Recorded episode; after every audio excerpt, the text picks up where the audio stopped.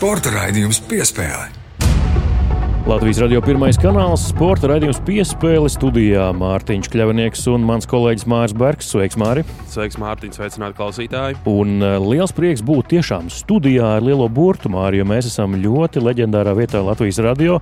Paldies uh, Mārim Brieškalnam, ka mūs ielaida Latvijas radio pirmajā studijā, kur Big Bands uh, spēlē koncertus, ieraksta dažādas lietas. Pasaules slaveni mākslinieki šeit ir ierakstījuši savus skaņdarbus, veseļu puteņu, skaņu celiņš arī šeit ir tapis.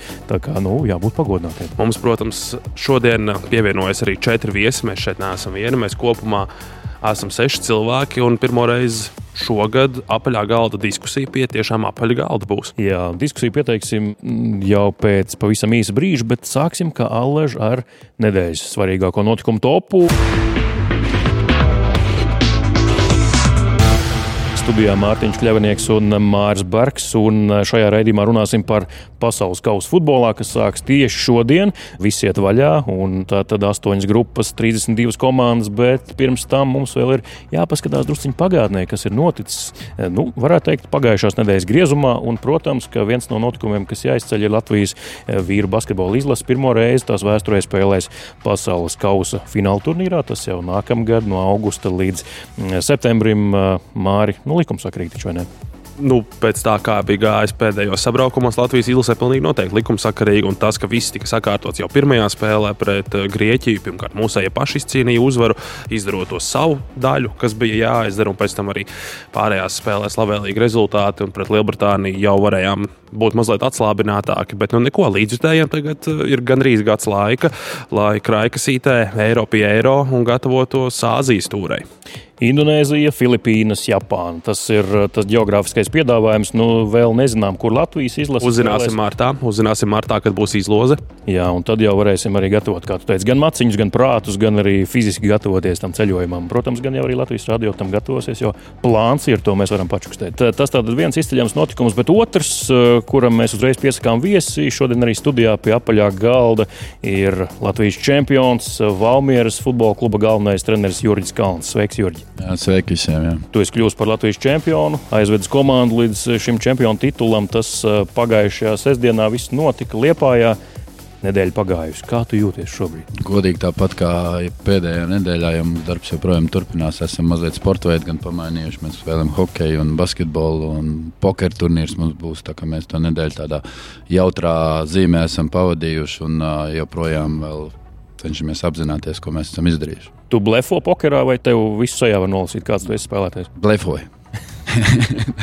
Blefoju, jā, tad, jo man liekas, ka pokers vispār sastāv no blefa, principā, un kurš labāk māca noblefot, principā, tam ir tās lielākās izredzes. Futbolā ir līdzīgi vai nevar jau paralēlus?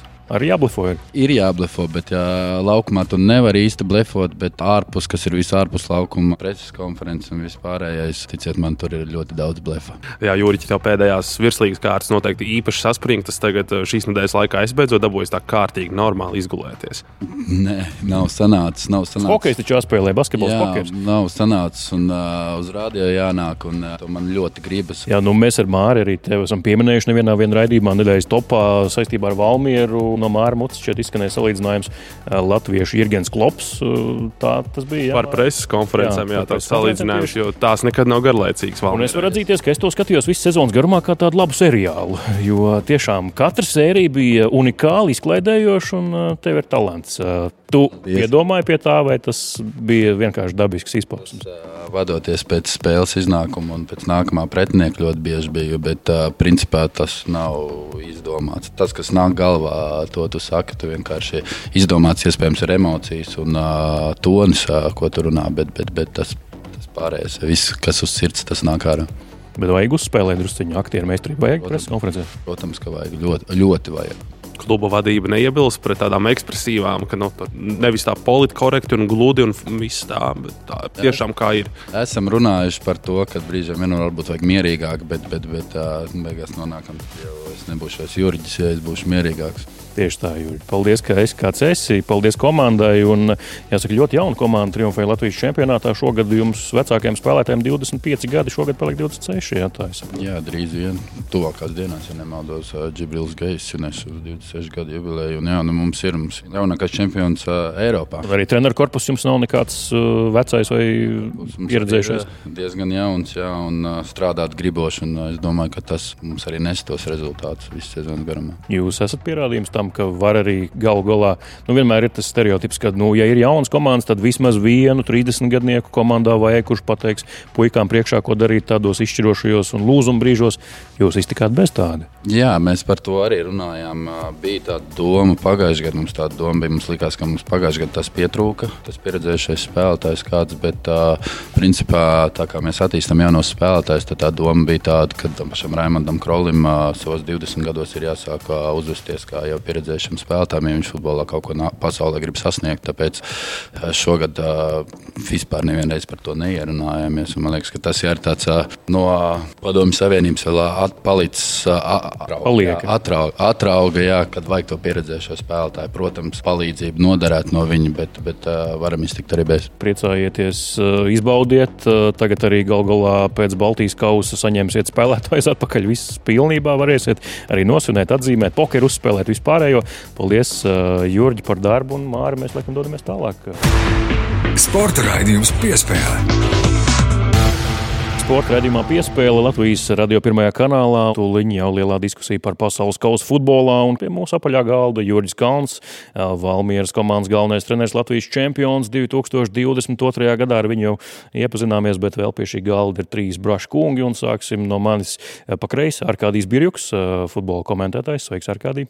Sveiki, sveiki, haijā, kā saka katra. Ilvars Kostinkievičs, arī futbola komentētājs un arī futbola halas playoff arēna vadītājs. Sveiks, Ilvar! Sveiki visiem! Un futbola komentētājs Kārlis Krēgers. Sveiks, Kārli! Sveiki, sveiki! Pasaules kausa futbolā. Šodien sākas lielais starts šāviens, un mums ir izdevies apsteigt laiku, jo Arkādijs ir pie mums, bet fiziski tieši šobrīd viņš ir tur, tālākajā katarā. Bet šī saruna tiek ierakstīta nedaudz pirms turnīra, tāpēc Arkādiju vēl esam noķēruši šeit pie šī galda. Arkādija ceļu jūtīs jau. Koferītis sakravāts, viss kārtībā. Nu, tur jau nevajag neko smagu ņemt līdzi, jo plus 30 grādi uz vietas. Nevajag tur kaut kādas siltās mantas. Tur viss tā vienkāršāk būs. Un ceru, ka konferences papildināsies ar visu kaut kādiem suvenīriem, atmiņām, emocijām turnīra gaitā redzot tos pirmos video fotogrāfijas no katras, kur ierodas ārzemju kolēģi, līdzjutēji pirmie ir ieradušies. Nav tā kā mazliet bail no tā, kas ir redzēts. Jo ir daudz kas interesants redzēts un negluži tajā labākajā gaismā, kas parāda valsts. Nu, ir tā, ka kopš uh, jūlija, kad es uh, pieteicos akreditācijai šo turnīru, esmu skatījies daudz arī citas video. Nu, ņemot vērā, ka tur tajā valstī dzīvo ļoti daudz cilvēku no citām valstīm, un principā imigrantu tur ir vairāk nekā vietējo katariešu. Līdz ar to tur arī tā virtuve, sadzīve ir tomēr pieskaņota Rietumē Eiropā ir daudz lielo tirzniecības centru, mūsdienīgu kafejnīcu, bāru. Tik liels kultūras šoks pieļauju, ka nav redzot tagad to, ko sūta līdzjūtēji, jo tās tomēr ir tādas nianses izņēmumi atsevišķās lokācijās, kas tur ir sastopamas. Jā, nu skaidrs, ka katra korupcijas ēna, kas par šo pasaules kausu vēl joprojām, protams, slēdz pietiekami liela un bieza, kā vispār katra nonāca līdz šī pasaules kausa rīkošanai. Nu, un, protams, visas lietas par un ap viestrādniekiem, apstākļiem, kādos šie astoņi stadioni ir celti, tapuši un vispār šis turnīrs kā top. Ilvar, vaicāšu tev, nu, parasti šis turnīrs tomēr ir svētki visā pasaulē, vai ar šīm visām biezajām ēnām tie joprojām ir pilnvērtīgi svētki? Jāsaka, godīgi, droši vien mazliet citādi, jo katra skatoties uz visas tās, teiksim, futbola kartes un futbola elites kartes, jo mēs tomēr runājam par elites futbolu, ir tāds baltais zvirbulis vai melnais plankums vai tam līdzīgi, jo es joprojām nesaskatu itin nekādu loģiku, izņemot to, ka tajā valstī ir daudz naudas, ka šajā valstī ir jānotiek fināla turnīram, ka šai valstī ir jāuztic šāds turnīrs. Arī skatoties uz šiem astoņiem stadioniem, pieci no astoņiem stadioniem ikdienā ir bez sava mājas kluba, kas ir absolūti neloģiski. Tajā laikā, kad Katara ieguva savas tiesības 2010. gads un FIFA 22 izpildu komitejas locekļi balsoja par kandidatūrām, tajā laikā Katara bija ap to vietu, kur šobrīd Latvijas valstsvienība ir FIFA rangā, no nu, 2. simtā un ap 123. vietu, ja nekļūdos. Un nekad nebija iekļūst pat finālā fināla turnīrā. Nebija absolūti nekādas uh, citas tādas sportiskās loģikas. Ir bijuši dažādi stāsti, skandāli par citām izvēlētām valstīm, bet, ja mums pasaka Argentīna tālajos uh, 78. gadā vai, vai cits stāsts, ja šodien mums pasaka Argentīna, nu, ir saprotams, tā ir futbola liela valsts, ka tur notiek fināla turnīrs. Tas neliek uzdot daudz jautājumus.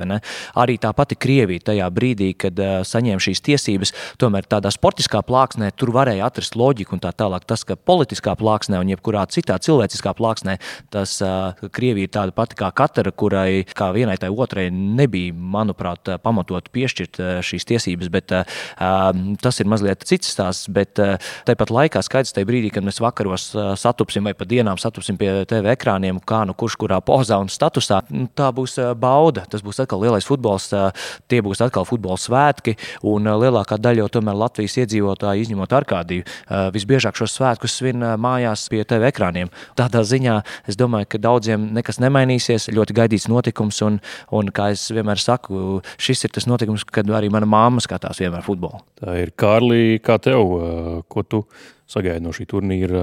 Varbūt uh, vēl papildinot ar kādiem, viņš teica, ka neko smagu neņems, bet ieraugot uh, cenas, kādas būs līdzutējiem dzērienos, es teiktu, paņemt tomēr kaut ko smagu, tas būs naudas maks. Anglijas līdzutēji jau ir šokā, kādas tur būs cenas. Principā katrai tas būs ļoti liels izaicinājums. Būs jātiek galā ar šiem līdzutējiem, kuri gribēs balēties, kuri, kuri gribēs svinēt savu izlešu panākumus. Un, mēs šeit runājam arī par minoritāšu tiesībām, kas uh, ir tāds ļoti juteklīgs jautājums katrā.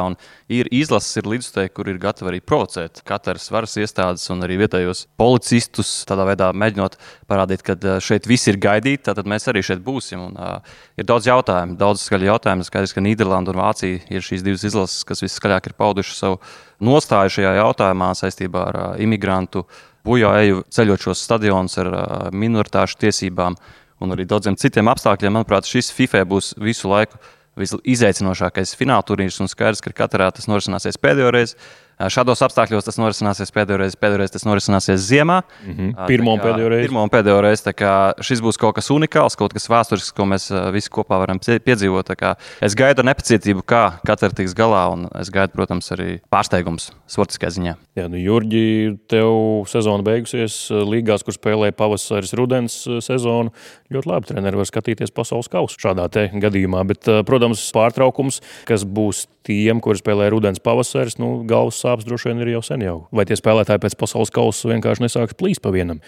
Jā, principā jā, tā ir lielākā problēma, par ko runā tagad visi, kādi tie spēlētāji atgriezīsies savos klubos pēc pasaules čempionātā. Un, Nebūs jau pauzes, uzreiz būs jāmetās. Jā, tieši tā, un uh, treneriem būs jālauza galvā, vai nu spēlēt spēlētājiem, kurš tikko atgriezies, vai jāiedod pauzi viņam, jo tomēr pārējais uh, komandas spēlētāji, kas palikuši labu nometni izies tagad šajā pauzē. Un, līdz ar to būs interesanti, būs, būs kaut kas jauns, un uh, tas arī var padarīt pēc tam tos čempionātus interesantākus uh, noslēgumā.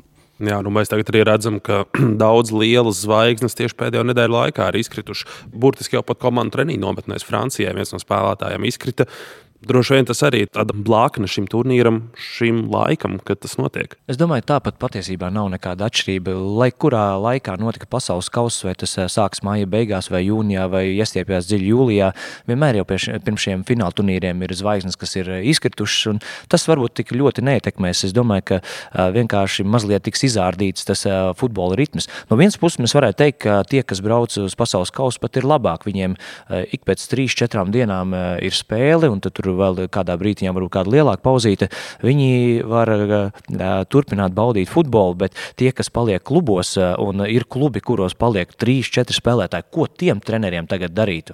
Un lielākais izaicinājums, es domāju, ne tik daudz varbūt fiziskā lieta, jo fiziski jau viņi šobrīd ir labā formā, bet jautājums būs, kas notiks pēc tam, kad ļoti mentāli atšķirīgā noskaņojuma atgriezīsies. Tie, kas būs uzvarējuši, tiem kādu brīvdienu varbūt tik tiešām iedos, un viņi uz lielu tādu pacēlu un viļņu varētu doties tālāk sezonas turpinājumā un plīst varbūt sezonas beigās, nu, fiziski vai kā. Bet, Varbūt būs tā, ka atbrauks uzvarētāji no pasaules kausa un sagaidīs jau autobusu, kluba autobusu, kā Jurģa gadījumā bija izlase, kad spēlētāji nāciet iekšā, nesvinēsim. Visādi var būt, par to ir atsevišķs stāsts, man īstenībā būtu atsevišķs redzījums par to tematu. Par to gadījumu, jā. Par to gadījumu, ko pateikt.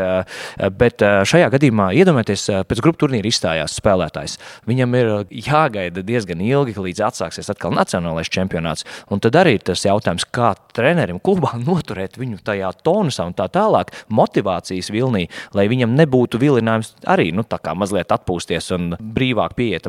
Tur ir ļoti daudz jautājumu. Es tagad tikai iemetu, var teikt, kā hipotēzes, kas eh, tajā dienas kārtībā, kas tur būs, bet uh, tur būs ļoti, ļoti specifisks. Un, protams, tā slodze tomēr tās komandas, kas aizkļūs līdz pusfinālam, finālam, slodze būs pamatīga un pēc tam nesaudzīgi uzreiz mesties iekšā. Un nacionālajie čempionāti arī ir ļoti atšķirīgi. Anglijā praktiski bez pārtraukuma, Vācijā ir pārtraukums lielāks. Viņiem tur ir iespēja atvilkt elpu. Un kā tas atsauksies uz Champions League? Nu, tur ir tik daudz jautājumu, ka mēs to tikai laika gaitā varēsim atsijāt. Mēs tagad varam par to spriest, bet uh, secinājumus mēs izdarīsim, es domāju, nākamā gada augusts, septembris, kad mēs varēsim par to tā kvalitatīvāk spriest. Jā, nu šobrīd mēs varam spriest par to, kādas grupas ir un uh, kādas komandas katrā grupā spēlējas. Ātri arī nosaukšu radio klausītājiem, kuri varbūt uh, nezina vai nav sameklējuši. Tātad A grupa Katara, Ekvadora, Senegāla, Nīderlanda, B grupa Anglija, Irāna, ASV un Velsa, C grupa Argentīna, Saudārābija, Meksika, Polija, D grupa Francija, Austrālija, Dānija, Tunisija, E grupa Spānija, Kostarika, Vācija, Japāna, F grupa Beļģija, Kanāda, Maroka,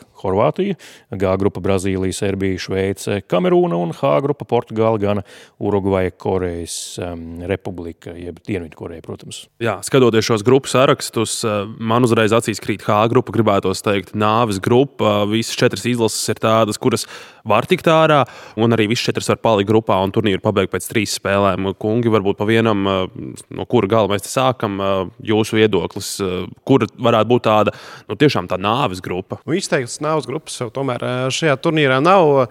Tuvāk turnīram ejot, nu, tā visbiežāk sanāk skatīties un domāt par to, kas notiks grupā, kas pirms turnīra uzreiz pēc izlozes likās viss acīm redzamākā. Tur, kur ir Spānija, Vācija, Japāna, Kostarika. Jo es pētu Japānas sastāvu, skatos, no kurām līgām, no kurām komandām ir tie Japānas spēlētāji un kuri vēl palika aiz borta. Piemēram, pirms pasaules kausa komentēja Nīderlandes čempionāta līderu cīņu, un tur bija futbols no Japānas, kurš regulāri spēlē pamatsastāvā, bet viņš izlasē netiek. Netiek tajā 26. un tur ir ļoti daudz labu spēlētāju. Arī Daisuke Kota, diemžēl, nevar tikt Japānas mm -hmm. izlasē, jo konkurence ir milzīga. Un Japāna varētu noķert to pašu Vāciju, kurai ir problēmas šobrīd ar uzbrucējiem savstarpējā spēlē un mēģināt izkļūt ārā no grupas. Tas būtu tā, varbūt lielākā sensācija Vācija jau grupu turnīrā, ka Vācija, nu, drīzāk Vācija nekā Spānija. Jo es teikšu, ka Spānija man patīk kā komanda, un es gribētu, lai Spānija pat uzvarētu šo turnīru. Tā varētu būt sensācija tajā grupā. Es sveros uz to, ka H grupa tiešām ir tāda, no kuras jebkuras divas komandas izkļūstot. Protams, Portugālē paliekot aiz borta, tas būtu sensacionāli. Tāpat laikā tās visas ir jaudīgas vienības par, par spīti tam, ka Gana šajā izlašu sarakstā FIFA rangā ir viszemākajā vietā, 61. vietā.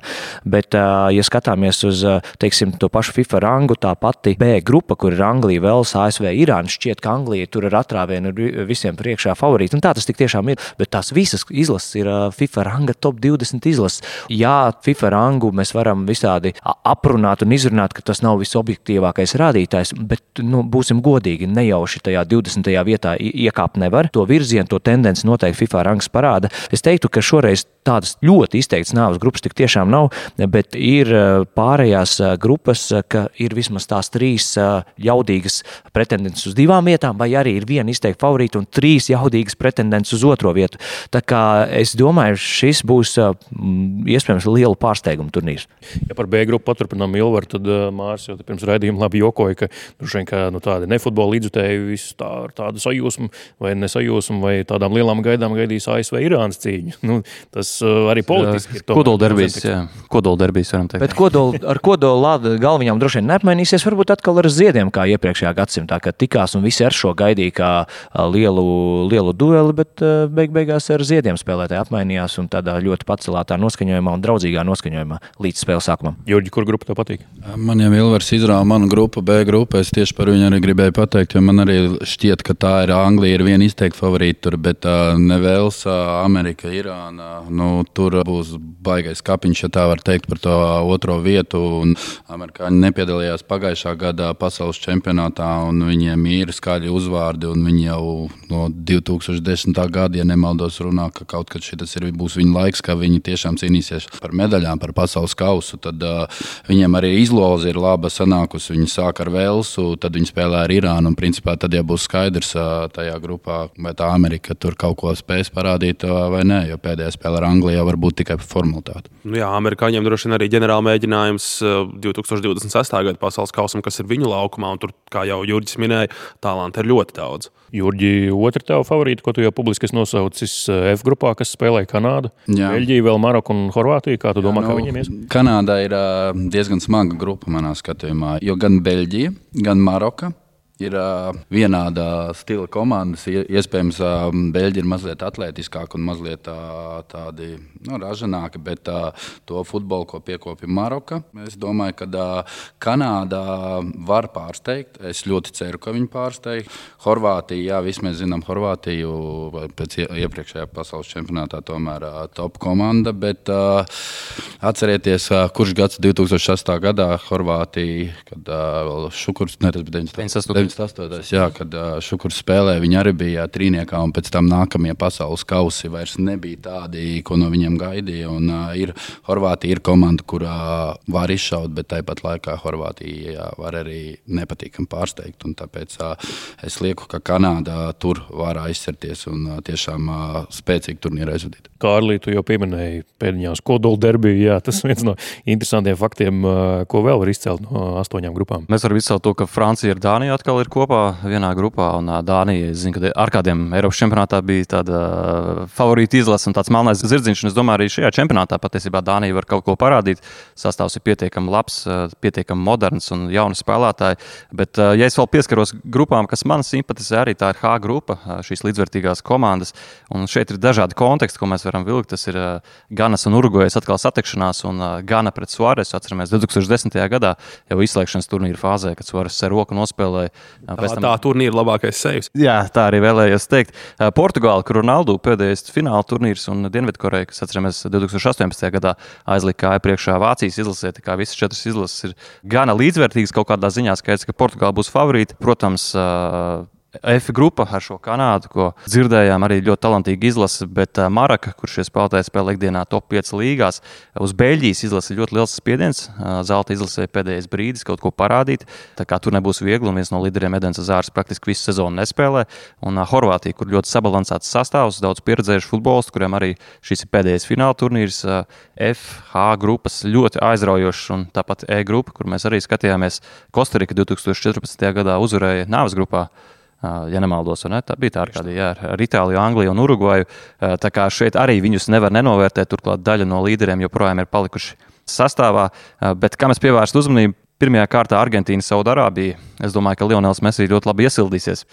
Man liekas, tā ir agrā spēle, 12.00, ka tik nav tāds mačs. Jā, pēc viedē laika vienos, bet būtiskas starpības nav. Jā, jā tā kā Messi šovs pret Saudārābiju pirmajā kārtā, es domāju, tas ir jāskatās. Un arī Messi skaidrs, ka visticamāk šis ir pēdējais pasaules kauss, un tas arī noteikti jāizceļ. Pēdējā iespēja izlasīt kaut ko izdarīt. Jā. Pasaules kausā pavisam noteikti skaidrs, ka Argentīna ir viena no favorītēm. Numur viens it kā tiek likta Brazīlija, kam varam piekrist, ļoti dziļš sastāvs, par kuru bija jācīnās. Daudz meistarīgi spēlētāji neiekļuva labāko 26 spēlētāju pulkā. Francija arī ir favorīta, bet Pogba, Kantē šie spēlētāji vidējā līnijā ļoti pietrūkst. Kunku nu pat izkrita treniņā iepriekšējā sezonas MVP Vācijas Bundeslīgā, tāpat Maņāns.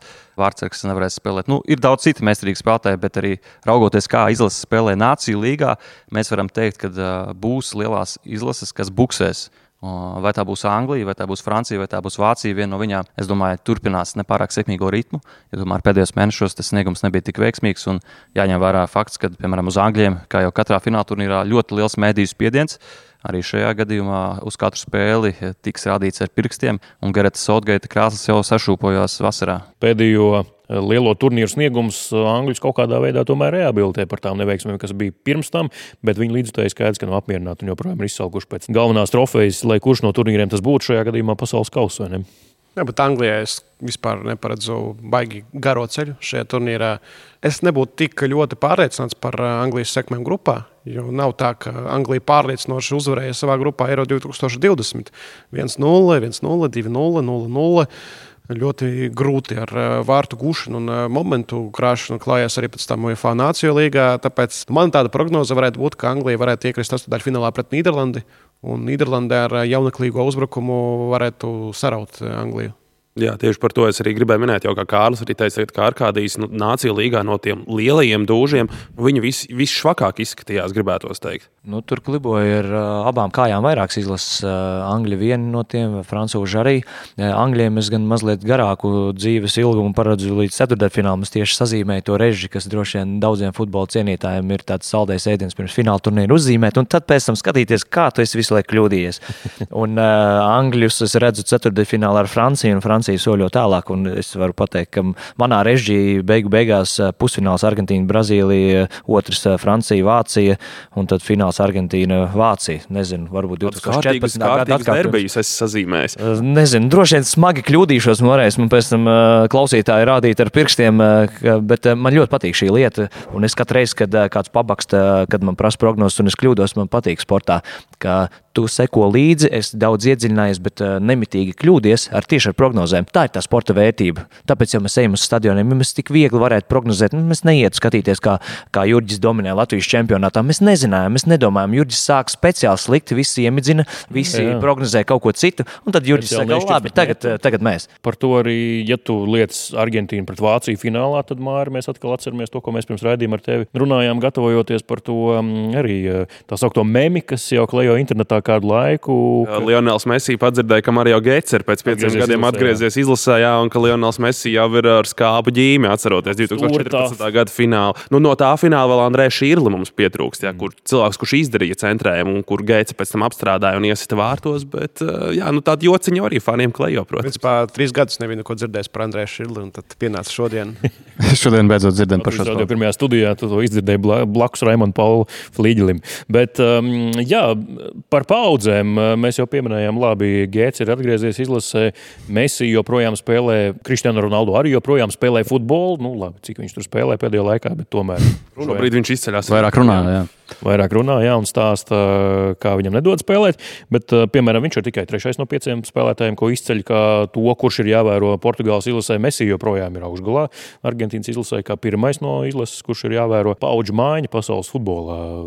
Redzat, zvaigznes, zvaigznītes, kas dzims šajā turnīrā, re, kur Ilvaram jau vesels žurnāls, plašu atvērumu. Jā, es katru reizi pirms fināla turnīriem ar lielu baudu pērku to, ko raksta lielvalstu žurnālisti. Un Te ir skaidrs, neko jaunas nepateikšu, vai spāņu 18-gadīgais Gavi vai Šāls de Katelārs, Beļģijas izlases spēlētājs Timbers no Nīderlandes izlases. Vienmēr tā būs. Vieta jau nekad nebūs tukša. Cita lieta ir, vai tāda kalibra lielmeistari, kāds ir Ronaldu, kāds ir Messi, kad tāda kalibra vīri būs. Jo tas, ka uz kopējā fona kāds spīdēs vairāk un būs spilgti spēlētāji, bet mēs runājam par šiem diviem kungiem tieši viņi elitē ienāca 11 gadnieku vecumā, un viņi e, burtiski 20 gadus visu laiku ir tur augšā. Mēs zinām to pašu Ronaldīņu. Ja? Nu, fantastisks. Vienā brīdī bija absolūti labākais e, dejotājs ar bumbu. Neviens vispār nevarēja bumbu atņemt. Barcelona dominēja, Brazīlija arī bija diezgan labi, bet viņš bija uz mirkli, tāpat kā Patriks Kluiverts. Uz mirkli augšā spīdēja, visi runāja un, un lejā, bet Messi un Ronaldu viņi ir e, stipri atšķirīgi ar to, ka viņi tajā elitē ir ārkārtīgi ilgu laiku, ar ārkārtīgi labu veselību vai izturība, noturība ar ārkārtīgi jaudīgu statistiku, sezonu no sezonas, statusu un pievienoto vērtību komandā un ietekmi. Tad tie ir apbrīnojami cilvēki. Tāpēc, kas būs tā nākamā zvaigzne, tas vēl, manuprāt, ir jautājums dienas kārtībā. Un arī vai būs zvaigznes, kuras būs tik principiālas viena pret otru, visu laiku viena otru dzīs uz priekšu, būt augstāk, kāpt vēl augstākās virsotnēs tas jau arī bija šīs ēras, kas nu jau ir savā norietā. Tas uh, galvenais, laikam, tā esence, tas, tas, tas brīnišķīgums. Nu, ceram, ka nākotnē būs MVP pret Holandu. Diemžēl vienam ar to izlases neiet tik spoži, lai viņš varētu spēlēt varbūt lielos fināla turnīros. Bet MVP noteikti uz šo spēlētāju arī skatās šajā turnīrā. Arī viņam ir bijuši sarežģījumi privātajā dzīvē. Paris Saint-Germain rindās. Vēl spēlētāji, ko es varētu izcelt, noteikti no Vācijas izlases Musiala. Spēlētājs, kurš varēja pārstāvēt arī Anglijas izlasi, šajā sezonā spēlē fantastiski. Viņš varētu būt tiešām tāda Vācijas izlases jaunā seja. Nīderlandē ir tāds Havijs Simons no PSV Eindhoven. Joprojām neviens spēles nacionālajā izlasē. Jā, viņam ir dot iespēju braukt uz Kataru. Ļoti, ļoti liels talants. Redzēsim, varbūt dosies laukumā, varbūt kaut ko parādīs. Spānijai, kā jau Ilvers minēja, Pedrija Gavī, šie futbolisti liks par sevi manīt vēl turpmākos 11 gadus. Un, uh, lielajās izlasēs šādi spēlētāji ir. Kāds no viņiem noteikti padarīs labu darbu, lielu darbu. Mēs par viņu noteikti dzirdēsim. Bet uh, otrs jautājums arī tiek apspriests, kurš tad būs rezultātīvākais spēlētājs šajā fināla turnīrā. Es nezinu, varbūt mēs varam pamanīt kādas versijas maniem kolēģiem. Lautāro Martīnas. Tieši mans domas, es arī par to domāju, kurš varētu būt. Un es savu likmēru lieku uz viņu, jo man liekas, Argentīnas izlasē viens no nenovērtātākajiem spēlētājiem pagaidām. Un blakus Messi, lai arī ir ļoti daudz vārdus guvis savā karjerā līdz šim, tomēr Argentīnas izlasē kaut kā pamatā izceļas kāds cits. Un es domāju, ka Messi varētu arī nospēlēt to lomu, kāpēc Martīnes varētu plūkt to rezultātīvākā spēlētāja Lauru. Nu, jo mēs arī ļoti daudz asistu šobrīd rezultātīvo piespēļu PSG rindās, bet kamēr Lautāro sit gols Inter sastāvā. Otrs kandidāts būtu Paulo Dybala, bet nu, tomēr sezonas pirmajā daļā viņš bija arī bieži vien traumēts un nevarēja palīdzēt Romai. Tāpēc nu, nebūs pirmā izvēle sastāvā Lautāro. Ja arī pašam Messi patīk spēlēt ar Martīnes, to viņš vairāk kārt ir atzinis. Jā, es noteikti izceltu Hariju Kēnu, jo Anglijas izlasē aizies spēle. Keins būs starp labākajiem vārdu guvējiem. Tas pats par Neimāru. Viņš ir ļoti noskaņojies šim fināla turnīram, un mēs viņu varētu redzēt bombardieru sarakstā par MBP jautājums. Arī tāpat kā Anglijai, ja aiziet spēle, tad Benzemē vai MBP tur varētu atrasties. Bet no Argentīnas kāds būs, raugoties uz grupu, Saudārābija, es domāju, tur var mm. jau iekrāt labu statistiku priekšā pārējiem spēlēm. Ilver, uz ko tu liktu? Drīzāk ir jāskatās pirmkārt jau uz grupu turnīru fāzi, kas ir tās grupas, kurās tie pretinieki nav tik jaudīgi, vai kāds no pretiniekiem ir nu, netik spēcīgs. Un tajā grupā, kur ir katra, tad droši vien kādam ir tā lielā iespēja. Un, un vai, vai Messi un Saudārābija tur tos vārdus var sakrāt ar kādu hetriku, un tad pievienojot pārīt ar pieciem, sešiem vārtiem, ļoti bieži pietiek tam, lai tu kļūtu par turnīru rezultatīvāko mm. spēlētāju. Pašreizēji čempioni mums ir francūži. Pirms četriem gadiem Franciju visi nostādīja neapšaubāmu favorītu statusā, un francūži arī laukumā parādīja, ka viņi bija labākie tajā turnīrā. Kā jūs prognozējat, kādas viņiem ir iespējas aizstāvēt savu titulu, apzinoties, kāda ir iztrūkuma pusargu līnijā? Manuprāt, tas ir ārkārtīgi liels rops. Iedomājamies, labā formā, kā te Pogba.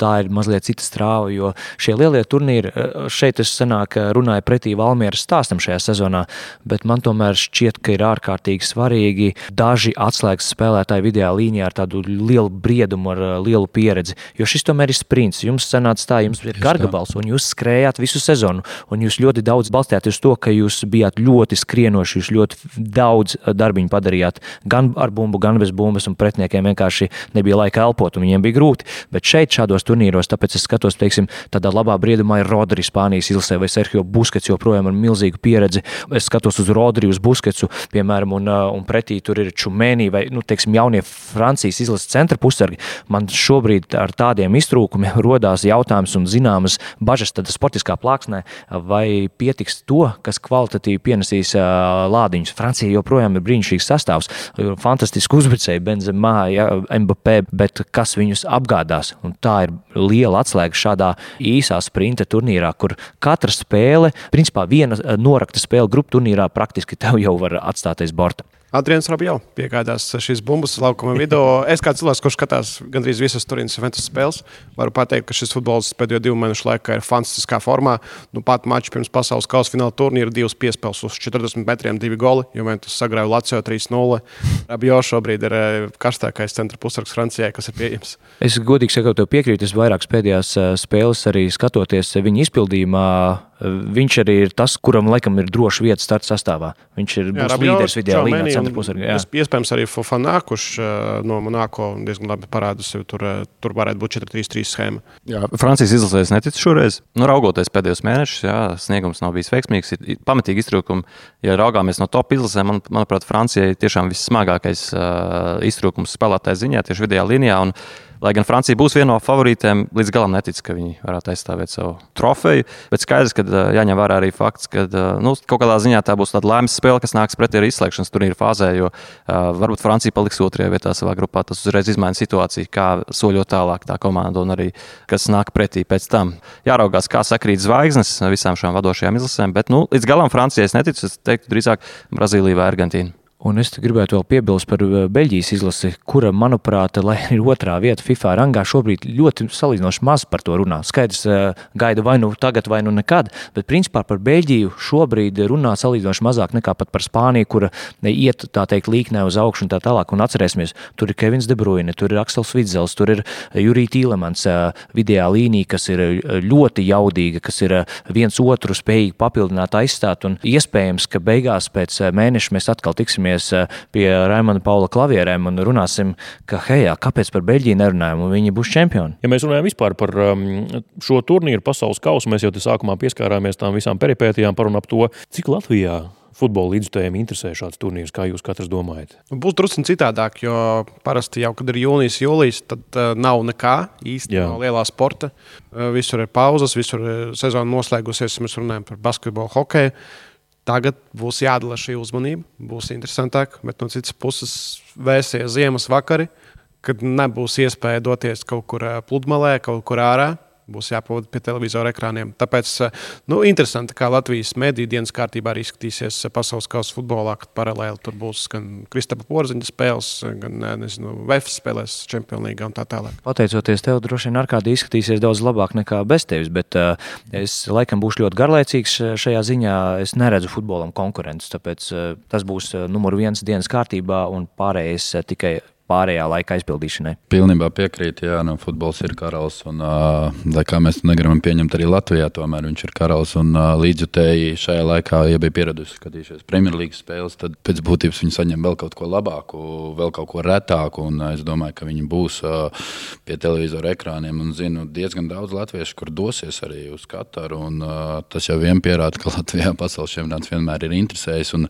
šis čempionāts, ko es gribētu piebilst, man liekas, būs tik daudz pārsteigumiem bagāts. Jo viens ir spēlēt pēc uh, sezonas, pēc garas sezonas, nogurdinošas pasaules čempionāts, un otrs ir, kad spēlētājiem šobrīd būtu jābūt top formā. Viņiem būtu jābūt top formā, un tas ir uh, pilnīgi savādāk. Un es domāju, mēs te pieminējam tās top komandu kritumus. Šīs varētu čempionāts, es ļoti ceru, varētu būt izņēmums, un tie top komandu kritumi nebūtu tik lieli, jo tomēr uh, citā laikā notiek, un uh, spēlētāji ir top formās, un uh, līdz ar to tas var ietekmēt čempionāta iznākumu. Uh, vēl noteikti jāpiemina fakts, ka šis ir pēdējais fināla turnīrs, kur ir 32 izlases jau 2026. gadā būs 48. Šis ir pirmais fināla turnīrs, kur, starp citu, sievietes, dāmas tiesās trīs. Tas arī jāņem vērā kaut kādas jaunas, jaunas notikumi, jaunas vēsmas. Kopā man šķiet, ka būs sešas vai ne? Trīs vai pat vairāk. Un... Jā, bet uh, vēl par pēdējo jautājumu iepriekš par to. Pasaules kausa skatījās vasarā, skatīsies arī ziemā, neapšaubāmi. Es atceros, kad uh, saliekas ar māsu. Māsa nav galīgi futbola fani, bet uh, pēc 2006. gada pasaules kausa Vācijā viņa nu, mācīja nosaukt principā Francijas izlases un Itālijas izlases gandrīz sākuma sastāvā. Un man ir draugi, man ir paziņas, kuriem tiešām mammas, uh, vecmāmas skatās.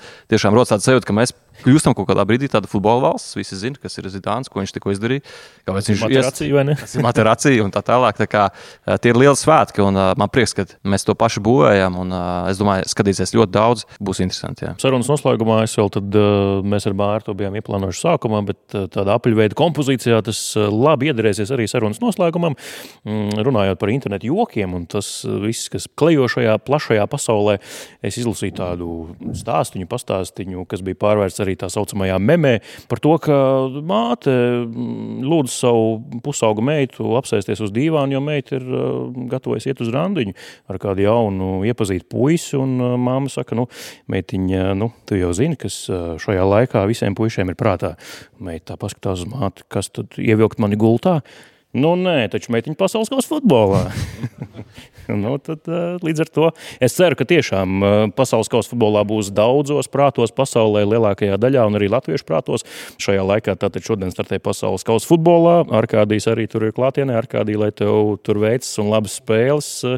Cerams, ka tiešām iegūs arī labus iespējas. Lai viņam rezultatīvs sniegums. Ir kaut kas, ko tu neņemsi līdzi, gribētu, bet noteikti nedrīkst. Kaut kas tāds ir. Tieši nē, tieši tādu ierobežojumu. Tikai alkoholu nedrīkst ievest. Bet nu, tas man nav īsti svarīgi. Par, par šortiem jāstāsta. Tur ir kā mierīgāk. Nu, tikai valsts iestādēs nedrīkst iet iekšā šortos. Bet, nu, es Būtu diez vai es plānoju katrā. Vismaz šobrīd nav plānā.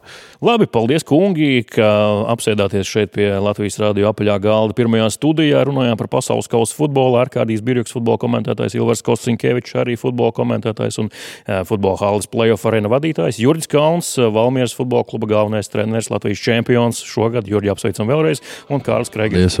Tas bija kopā ar mums, un mēs ar Māri Bergu, protams, šeit pie apaļā galda skatāmies futbolu un sekojam līdzi, skatāmies, kurš uzvarēs. Jā, paldies, ka klausījāties. Un svarīgi piebilst, ka visas spēles tiešraidē Latvijas televīzijā.